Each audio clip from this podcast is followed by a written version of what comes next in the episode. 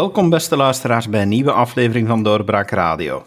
Na onze zomerstop vliegen we er weer meteen in en we gaan een kijk nemen wat er gebeurt in Amerika en bij gevolg ook in Afghanistan, want die twee hebben duidelijk met elkaar iets te maken. En uiteraard doen we dat dan met onze specialisten, onze kenners eh, van dat grote land. Eh, welkom Rowan Asselman en David Nijskes. Dag David. Goedemorgen. We hebben er een zomer op zitten. We hebben elkaar even niet gehoord. Ik hoop dat jullie ook een fantastische zomer hebben gehad. Jazeker. Rustgevend.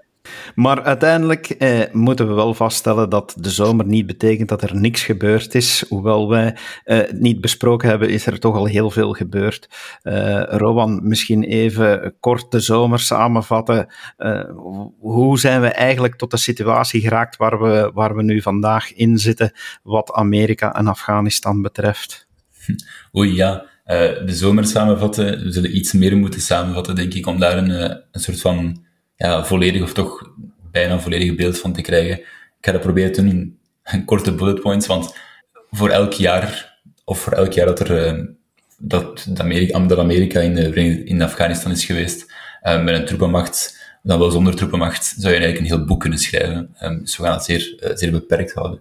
Om de Amerikaanse inmenging, laten we zeggen, in Afghanistan, die, um, die dateert eigenlijk van de jaren 50 en dat is natuurlijk uh, begonnen in de context van de Koude Oorlog, de Eisenhower-jaren. Um, toen is de president, toenmalig president Eisenhower, natuurlijk ook de Grote Wereldoorlog 2-held. Um, ehm, die had, uh, net zoals vele mensen, vele presidenten na hem, een plan om zo weinig mogelijk landen in de communistische invloedssfeer uh, te laten vallen. Um, dat, met, in dat, met, met het oog daarop zijn er bepaalde ouvertures geweest naar de Afghaanse regering. Eisenhower heeft zelf ook Kabul bezocht, uh, de koning ontmoet. Uh, dat, was, dat was redelijk, uh, redelijk de moeite. En tussen de jaren 50 en 1979 is de schatting dat er vanuit Amerika naar Afghanistan zo'n half miljard dollar gevloeid is. zowel direct als indirect via, via bepaalde NGO's die daar ook werk verrichten. Um, nu in 1973, ik had ik vermeld daar de koning van Afghanistan, was er een eerste coup een eerste staatsgreep, um, die de, het begin van de republiek inluidde. En dan in 78 of 79, moet ik even denken, uh, was er de fameuze communistische coup. En dat is wat we uh, natuurlijk kennen misschien, uh, of misschien het meest belangrijke wapenfeit is voor de Amerikaanse militaire inmenging, omdat dat natuurlijk ook als gevolg had dat de Sovjet-Unie um, betrokken werd bij het Afghaans beleid. Uh, ik had het daarnet over de Amerikaanse, of de Amerikaanse rol in de Verenigde Staten. Eigenlijk, die werd uh, opgeschort uh, in datzelfde jaar, of het jaar net voor, 78, 79. Um, in het kader van de ontvoering en de, en de moord op de Amerikaanse ambassadeur daar. Dus nadat de communisten daar de, macht hadden overgenomen, is daar in zeer dubieuze omstandigheden um, de Amerikaanse ambassadeur die is daar ontvoerd geweest en is dan ook gedood geweest. En toen heeft de Amerikaanse regering als reactie daarop alle steun teruggetrokken uit Afghanistan. En toen was het eigenlijk duidelijk van ja, het was een communistische regering, Amerikanen willen er niets mee te doen hebben. Eigenlijk was Afghanistan op dat moment een, een, een satellietstaat uh, van de Sovjet-Unie. Nu, die communistische regering, um, die had dan wel de macht gegrepen in Kabul, in de hoofdstad, ook in, ook in de belangrijkere steden. Uh, maar, en dat lijkt een beetje op wat we vandaag de dag natuurlijk zien, of zagen tenminste. Um, op het platteland, uh, enfin, dat is nu een simplistische tweedeling, steden-platteland, maar goed, op het platteland bleven bepaalde milities, uh, vooral van islamitische strekking, de controle houden.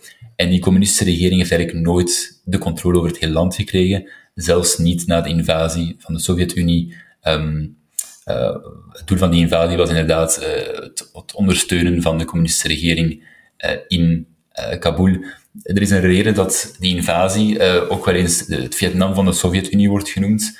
Um, Vietnam was dan de grote militaire mislukking van de Verenigde Staten. Afghanistan was het equivalent daarvan voor de Sovjet-Unie.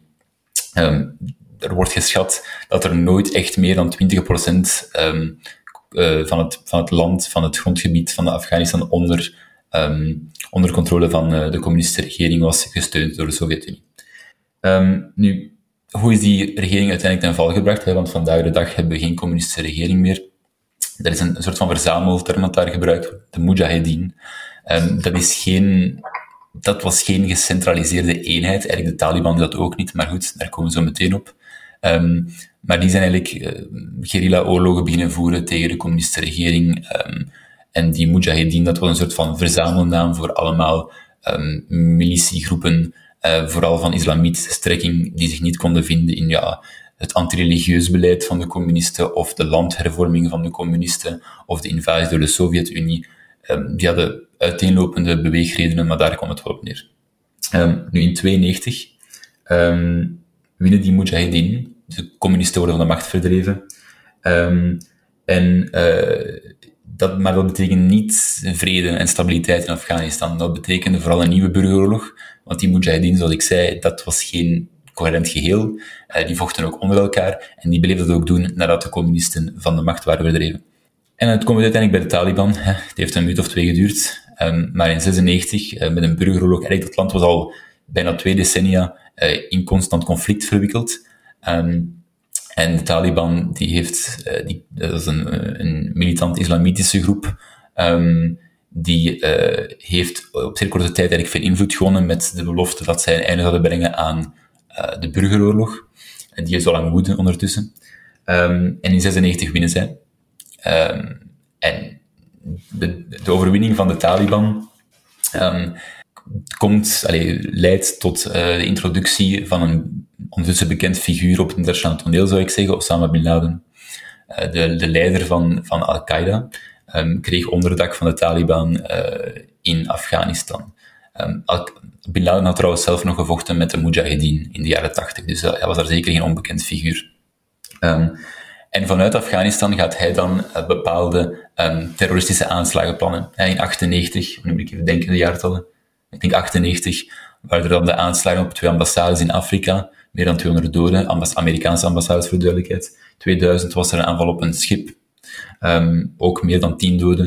Um, en in 2001 natuurlijk, dan zijn we er, 9-11, um, duizenden burgerdoden in de Verenigde Staten.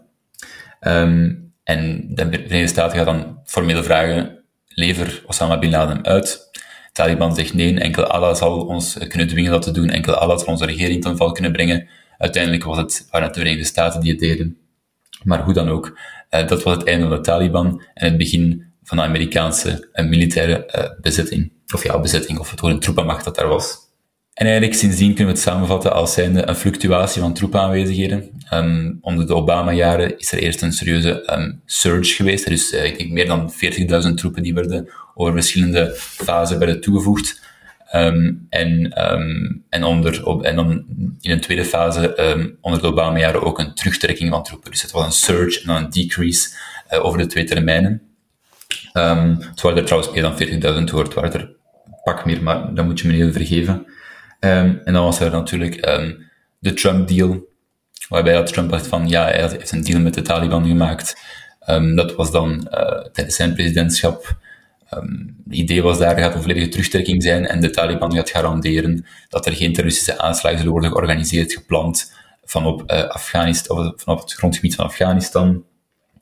En tegen dat Biden, en tegen augustus van dit jaar dan, waar we nu beland zijn, Biden heeft eigenlijk dat plan volgehouden en er waren er nog 2500 troepen uh, in augustus. En dan zijn we in augustus 2021 beland. De bedoeling was om tegen 9-11 2021, symbolische datum, alle troepen um, weg te halen. Maar zoals omstandigheden hebben uh, duidelijk gemaakt, is die timeline iets moeten opschuiven. Dit plan is dus eigenlijk al wel ontstaan onder president Trump. Die terugtrekking, eh, de chaos die daar nu bij komt, dat wordt aan, aan president Biden verweten. Maar wie heeft daar nu eigenlijk welke verantwoordelijkheid in? Is dat echt nog gewoon een plan van Trump dat wordt uitgevoerd en dat niet doordacht was? Of heeft Biden hier toch wel boter op het hoofd volgens jullie? Wel, het, het is in feite het was een heel interessant stuk uh, bij Associated Press uh, deze week. Hè, dat letterlijk ging over, dus over het Trump-plan.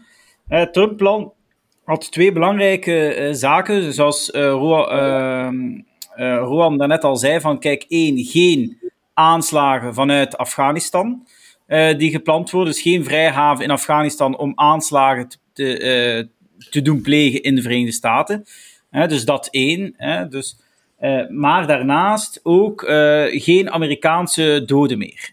dus het is zo dat de Taliban zich daar goed aan gehouden heeft.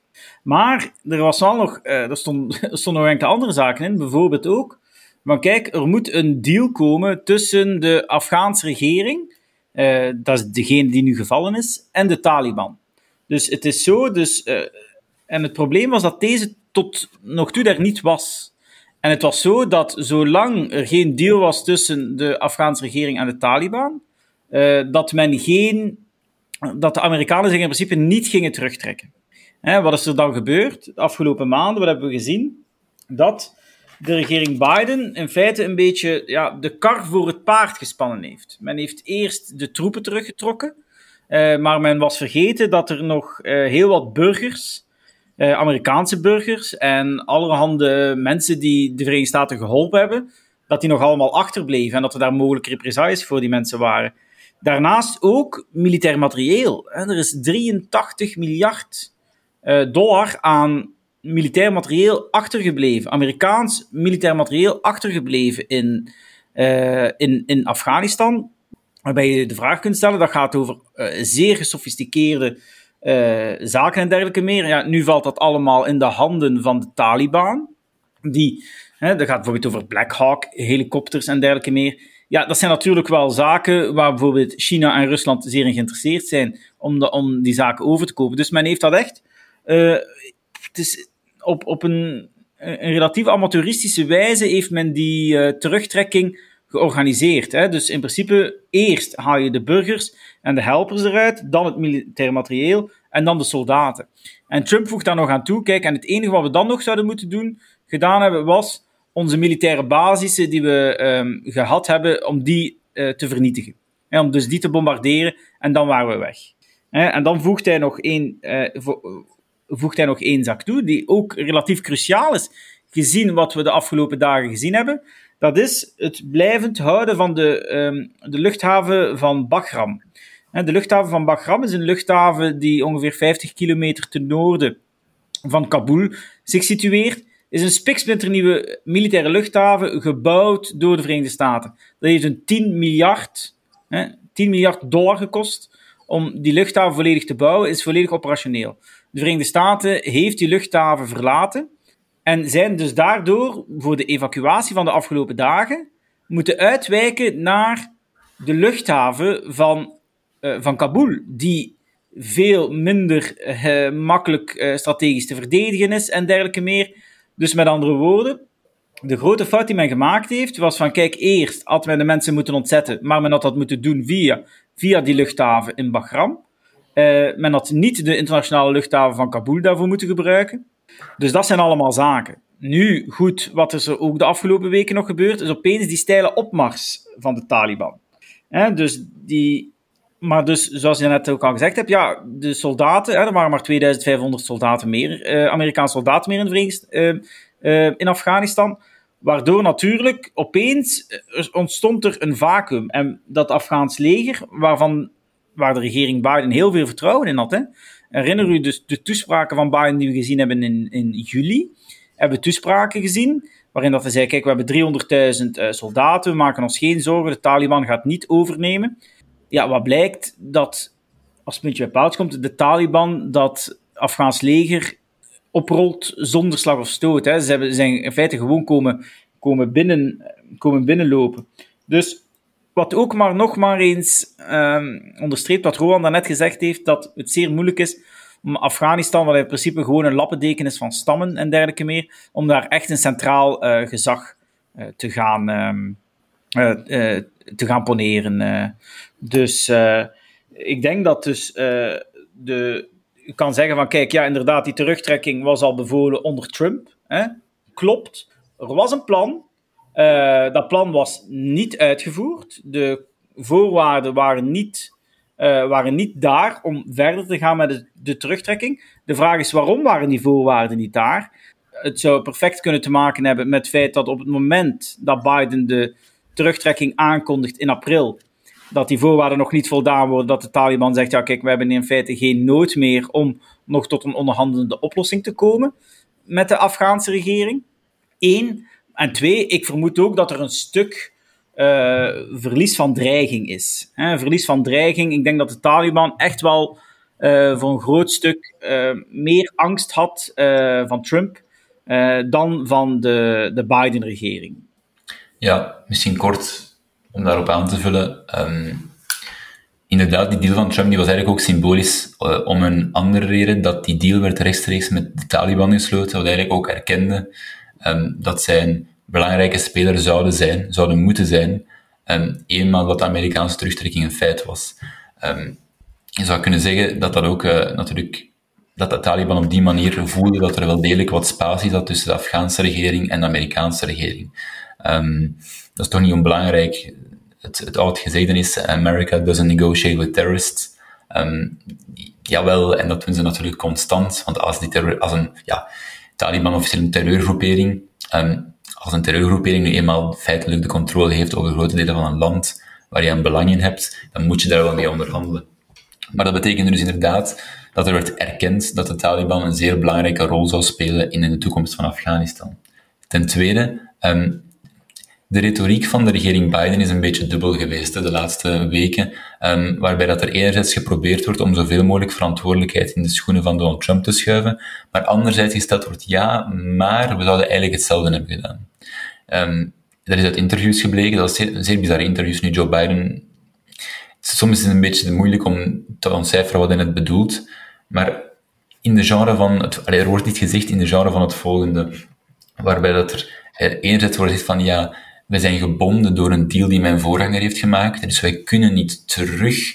Um, wij moeten eenmaal uitvoeren wat er gebeurd is en onze handen zijn gebonden. We moeten het zo goed mogelijk doen als mogelijk. Maar bon, dat is, dat is een beetje de pest en de cholera waar we tussen zitten in Afghanistan. En ten tweede, ja, maar eh, ik zou ook de terugtrekking op mezelf hebben bevolen. Dat heeft Biden in zoveel woorden gezegd in een interview. Met andere woorden, het is niet duidelijk of hij het nu doet omdat er, ja, omdat er al een afspraak was tussen de Taliban en de regering Trump, dus als vertegenwoordiger van de Verenigde Staten, of omdat hij het zelf graag wil doen. Want vergeet niet, presidenten sinds Obama beloven een terugtrekking uit Afghanistan. Um, en ik denk dat dat een beetje inspeelt op, uh, en dat is een algemene bedenking die ik, heb over de oorlog in Afghanistan. Um, waarom was de Verenigde Staten daar nu eigenlijk? En ik denk dat een van de redenen waarom de Afghanistan-oorlog zo politiek toxisch is geworden in de Verenigde Staten, maar ook in Europa, is omdat de missie doorheen de jaren steeds geherdefinieerd geweest is, een beetje ad hoc, uh, wat, politiek, wat politiek nuttig was. Uh, je zou kunnen zeggen, waarom was de Verenigde Staten daar? Was het om terrorisme te bestrijden? Was het dus louter in het verlengde van de aanval van 9-11? Um, met als doel om Al-Qaeda en gelijkaardige groeperingen um, uit te schakelen of te verzwakken? Uh, waren ze daar om een staat naar westers model te bouwen, een nation building, een liberale, uh, democratische rechtsstaat, rechtsstaat en een, en een beleid dat in, in zo'n moderne rechtsstaat uh, dat zou lijken op overeenkomt met, met het beleid in westerse staten. Um, was het om een machtsvacuum te vermijden, om te zorgen dat andere regionale en, en globale actoren daar geen voet aan de grond zouden krijgen. Denk, denk China, denk Rusland. En dat, die missie die is doorheen de jaren geëvolueerd en ook nooit, op, nooit keer op keer goed opnieuw uitgelegd geweest aan de Amerikaanse bevolking, denk ik. Dus inderdaad, uh, toen Donald Trump in 2015 en 2016 als een van zijn campagnebeloften poneerde een eind aan endless wars, hè, en misschien kunnen we het daarover hebben, want eh, dat argument vind ik niet bijzonder uh, overtuigend, maar goed, een eind aan een endless war, dan dacht iedereen van ja, inderdaad, want en dat was misschien de algemene reactie, waarom zitten wij daar eigenlijk? En heel veel Amerikanen hadden daar een goed punt, want door dat te zeggen, inderdaad, ja, ik denk niemand, inclusief mensen in de Amerikaanse overheid, kon nog exact uitleggen waarom er, waarom er duizenden troepen nog steeds uh, in Afghanistan waren. Um, en dat is dus inderdaad een zeer politiek, zeer, zeer, zeer toxische situatie geworden op het moment dat, de, dat Donald Trump aantrad. Als we dat dan zo bekijken, je, je zegt dat nu, hè, moeilijk uit te leggen, er zijn ook heel veel mensen die, die nu die vergelijking maken met, met de Vietnamoorlog, uh, die, die praten over, over een mislukking. Moet het echt zo negatief bekeken worden? Wordt het zo in Amerika ook ervaren als een mislukking? Well, het is zeker een mislukking voor de Verenigde Staten. En omdat zeker de beelden van de afgelopen dagen, en daar kwam dan nog eens op donderdag die aanslag bij, dus uh, dat is in feite een echte. Het komt echt over als een echte vernedering. Uh, dus het is één, de Verenigde Staten is al een mislukking, want men is daar twintig jaar. Uh, men is daar twintig jaar, waardoor dat men in feite niet het gevoel heeft van dat we hebben hier echt iets kunnen veranderen. Er komt daar nu nog bij dat, men, dat de Taliban in principe gewoon terug is. Na twintig jaar. Men heeft de Taliban verslaan, maar men verlaat het land en de Taliban is terug aan de macht. Dus dat is zeker een mislukking.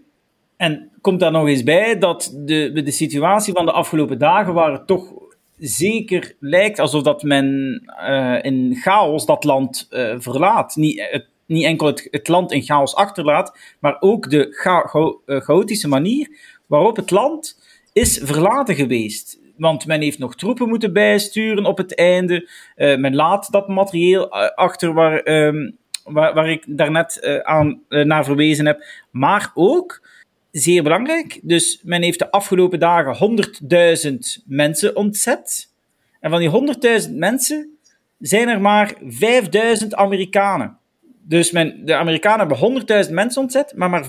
Dus 5% zijn amper Amerikanen. Terwijl dat schattingen zijn dat er 15 tot 45.000 Amerikanen nog altijd in Afghanistan zijn. En dus wij zijn nu, vandaag zijn we 28 augustus. 31 augustus is iedereen weg. Er worden op dit ogenblik geen gewone mensen meer, uh, uh, meer, meer, ontzet, want men gaat nu gewoon de militairen uh, ontzetten. Het probleem is dat er dus duizenden Amerikanen nog gaan achterblijven in Afghanistan.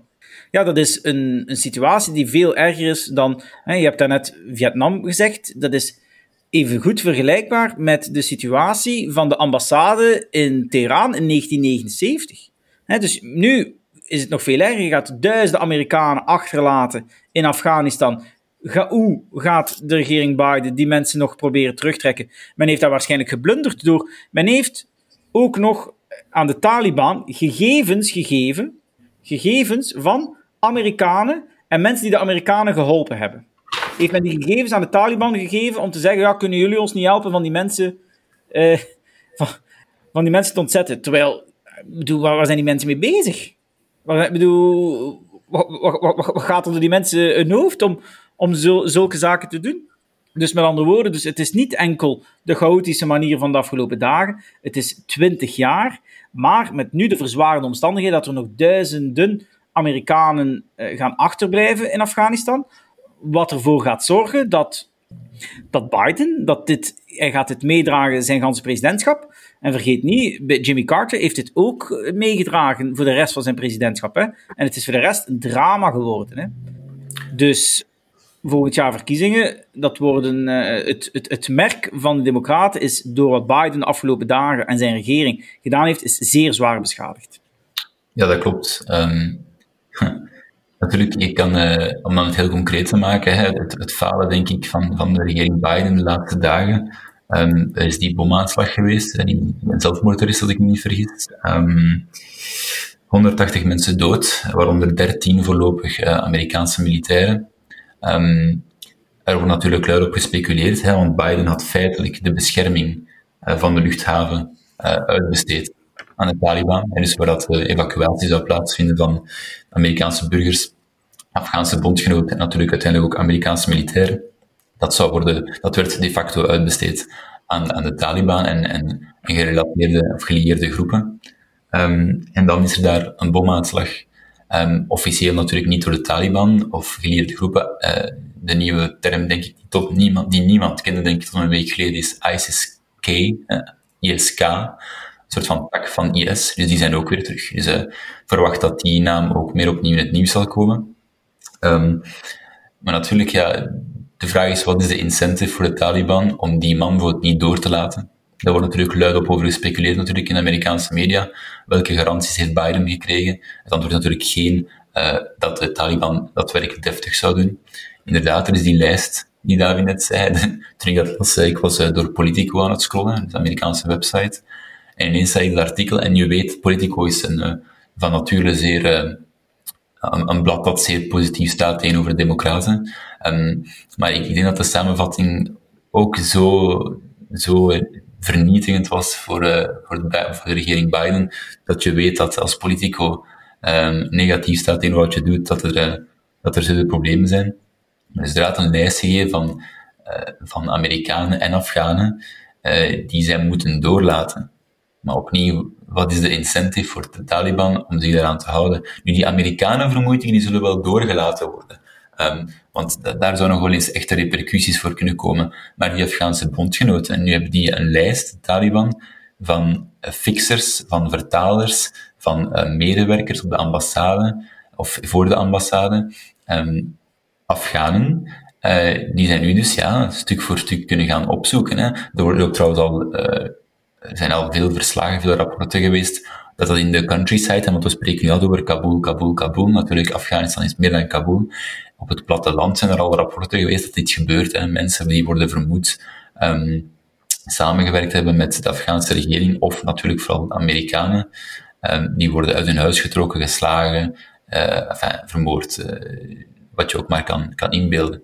Dus ja, dat is, een, groot, is een grote mislukking. Uh, en ik denk misschien om af te sluiten, ja, natuurlijk het is natuurlijk een beetje goedkoop, of uh, het, het, is, het is de politiek moeilijke vragen uit de weg gaan, um, door natuurlijk enorm veel aandacht te besteden aan de gefaalde terugtrekking. Wat het eigenlijk interessantere debat um, is, um, of Amerika überhaupt had moeten terugtrekken.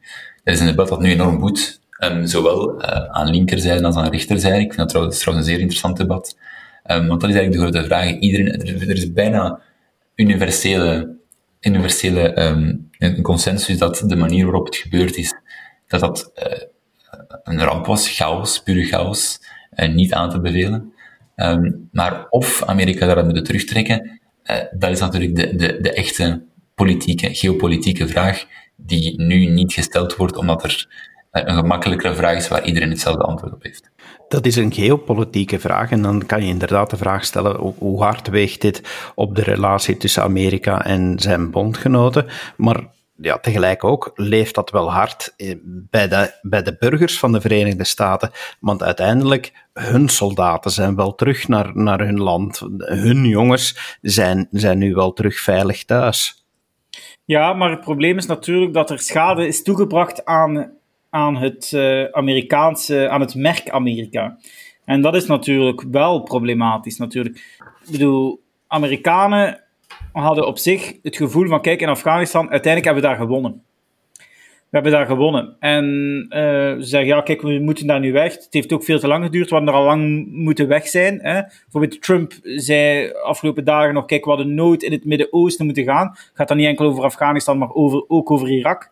Hij, schrijft dat nog, hij zegt nog eens, dat is de grootste blunder uh, die we ooit hebben gemaakt in onze geschiedenis. Ik denk dat, dat dat een sentiment is dat door veel Amerikanen gedeeld wordt. Het is maar wat Roland zei daarnet, uh, moest, moest men terugtrekken uit Afghanistan. Er is een groot deel van de publieke opinie die weg wou uit Afghanistan. En dat is min of meer bij de twee, uh, zowel democraten als republikeinen, was dan in feite relatief was er relatief hetzelfde. Men was daar in feite over eens. Hè. 69% van de Amerikanen wou terugtrekken, slechts 18% wou blijven.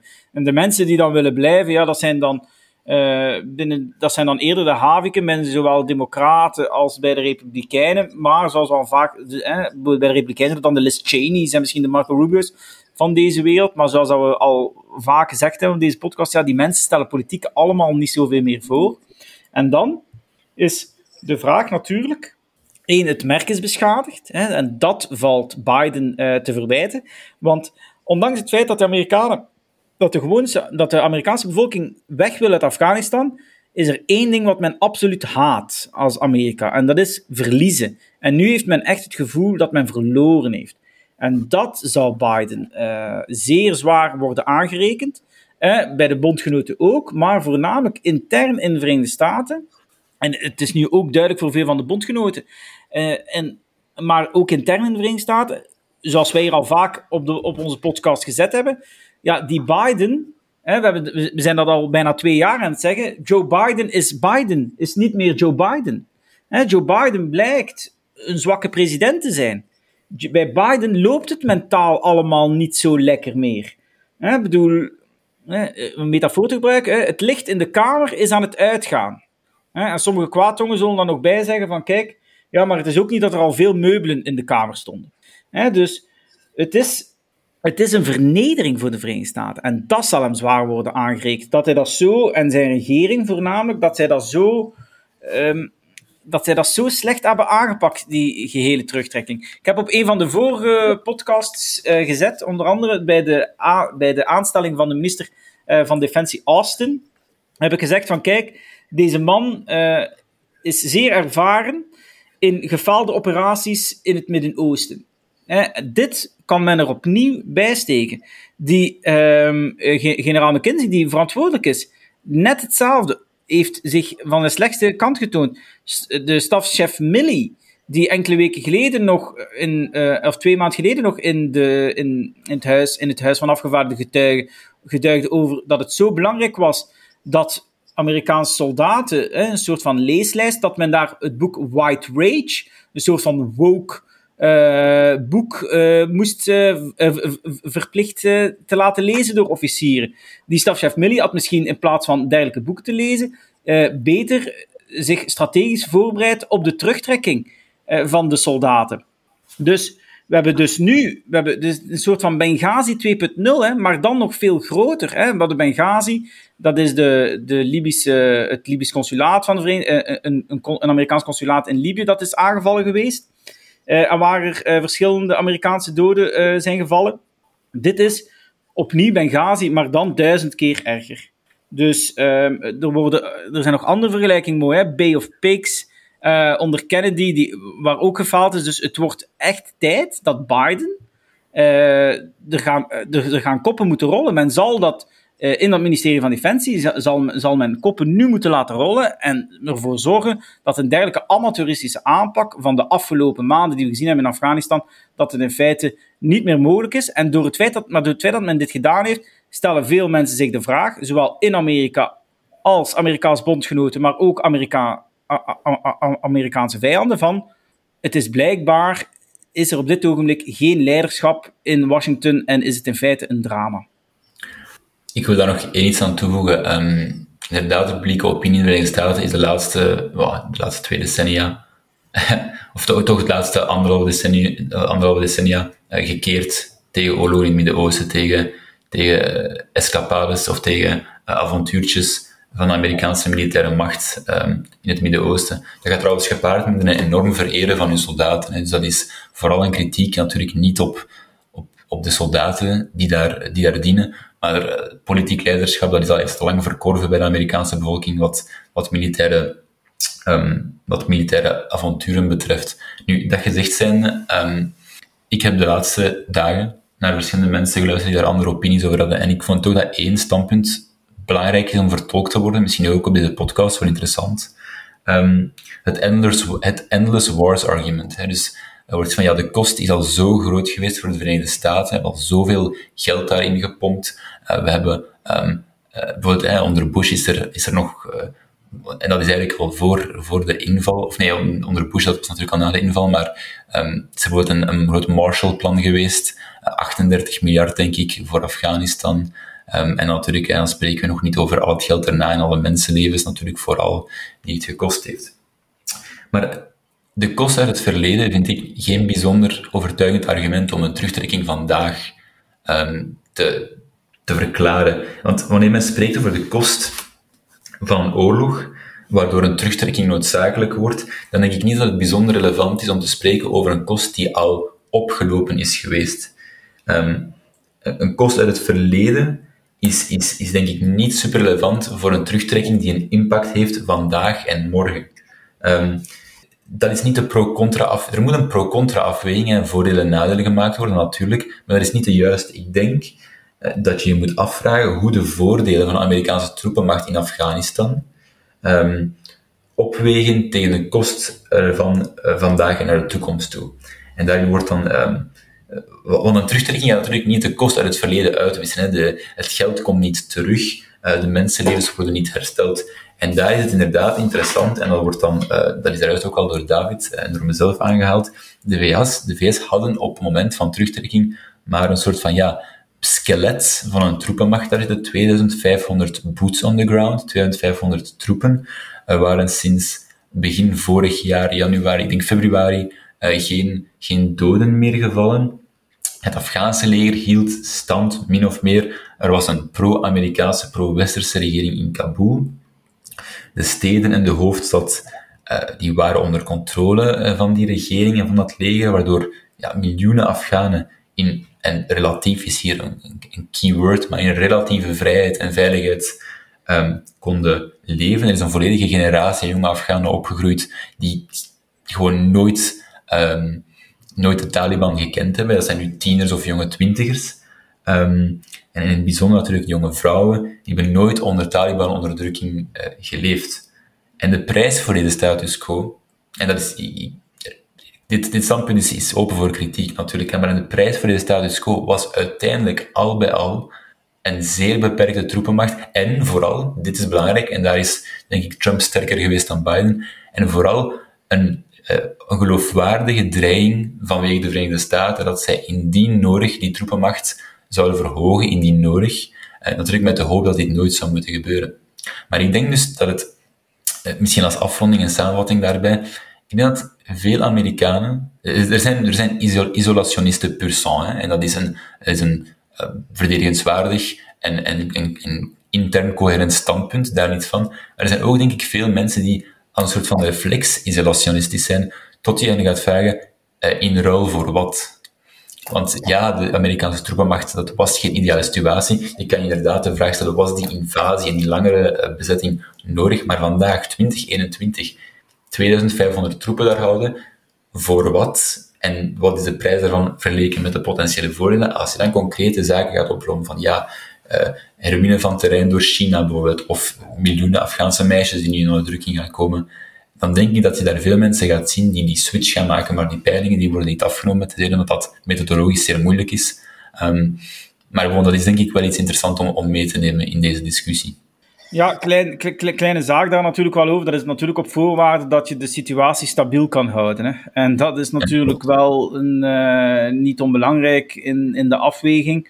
Is niet omdat het daar de afgelopen jaren uh, um, stabiel is met geen Amerikaanse slachtoffers niet meer, dat een blijvende, dat de Taliban zich uh, niet ging blijven, ging blijven braaf zijn. Hè. Op het moment mocht er dan toch iets gebeuren, ja, dan zit je daar nog altijd. Hè. Uiteindelijk zal het Um, ik, ik zou, Trump heeft ook opgeroepen, heeft gezegd van kijk, ik wil weg, hè, maar zegt hij, ik wil wel de luchthaven behouden, hè, waar we het net al over gehad hebben, die luchthaven van Bagram. Um, omdat hij zegt van kijk, ja, dan konden we van daaruit Iran en uh, China in de gaten houden. Maar goed, het punt is natuurlijk dat op een gegeven ogenblik uh, moet Afghanistan zichzelf, uh, zichzelf helpen. Hè. Dus ja, Afghanistan zal uiteindelijk, en ik, ik vind het ook allemaal heel erg hè, voor de vrouwen en dergelijke meer die nu terug in een, in, in, een, ja, in, in, in, een achterlijk land uh, dat ver voor de middeleeuwen zich bevindt. maar goed, dat is min of meer hoe dat, hoe dat de Afghanen blijkbaar willen leven. En als men in Afghanistan echt anders wil leven, ja, dan zal men dan zullen de Afghanen zelf een ander land moeten opbouwen. En dat, kunnen wij, en dat kan het Westen niet voor de Afghanen doen. Dat kan het Westen niet voor de Afghanen doen, want ik denk dat dat uiteindelijk de grote les is van de afgelopen twintig jaar. Uh, dat het Westen niet aan de rest van de wereld kan opleggen hoe zij moeten leven. Uh, ook al vinden we dat heel jammer, en ook al is dat jammer voor die mensen daar, of vermoeden wij dat dat jammer is voor die mensen daar. Maar ja, ik denk dat het een gefaald project is, het, wat uiteindelijk en, en het is een kost die de Verenigde Staten, niet enkel financieel hoor, maar het is ook een, een menselijke kost die de Verenigde Staten niet meer wilde dragen. En die de bevolking niet meer wou dragen. Ik denk dat we daarmee uh, kunnen concluderen dat het inderdaad een mislukking is, dat, uh, dat er heel wat schade is aan het merk Amerika. Ik dank jullie voor jullie bijdragen en voor de analyse die jullie gemaakt hebben. Zeer grondige analyse van heel de geschiedenis en hoe we hier geraakt zijn. Dankjewel David Nijskes, Rowan Asselman. Graag gedaan, David. Graag gedaan, David. Tot volgende keer. Voilà, beste luisteraar, u hoort het. Tot volgende keer. We blijven natuurlijk volgen wat er gebeurt over de oceaan. En wanneer daar interessante dingen te melden zijn, dan komen wij terug met onze twee specialisten. Dankjewel om te luisteren en graag tot een volgende keer. Dag. Dit was een episode van Doorbraak Radio, de podcast van doorbraak.be. Volg onze podcast op doorbraak.be/radio of via Apple Podcasts, Overcast of Spotify. Bezoek ook onze website op doorbraak.be en steun ons door een vriend te worden van Doorbraak.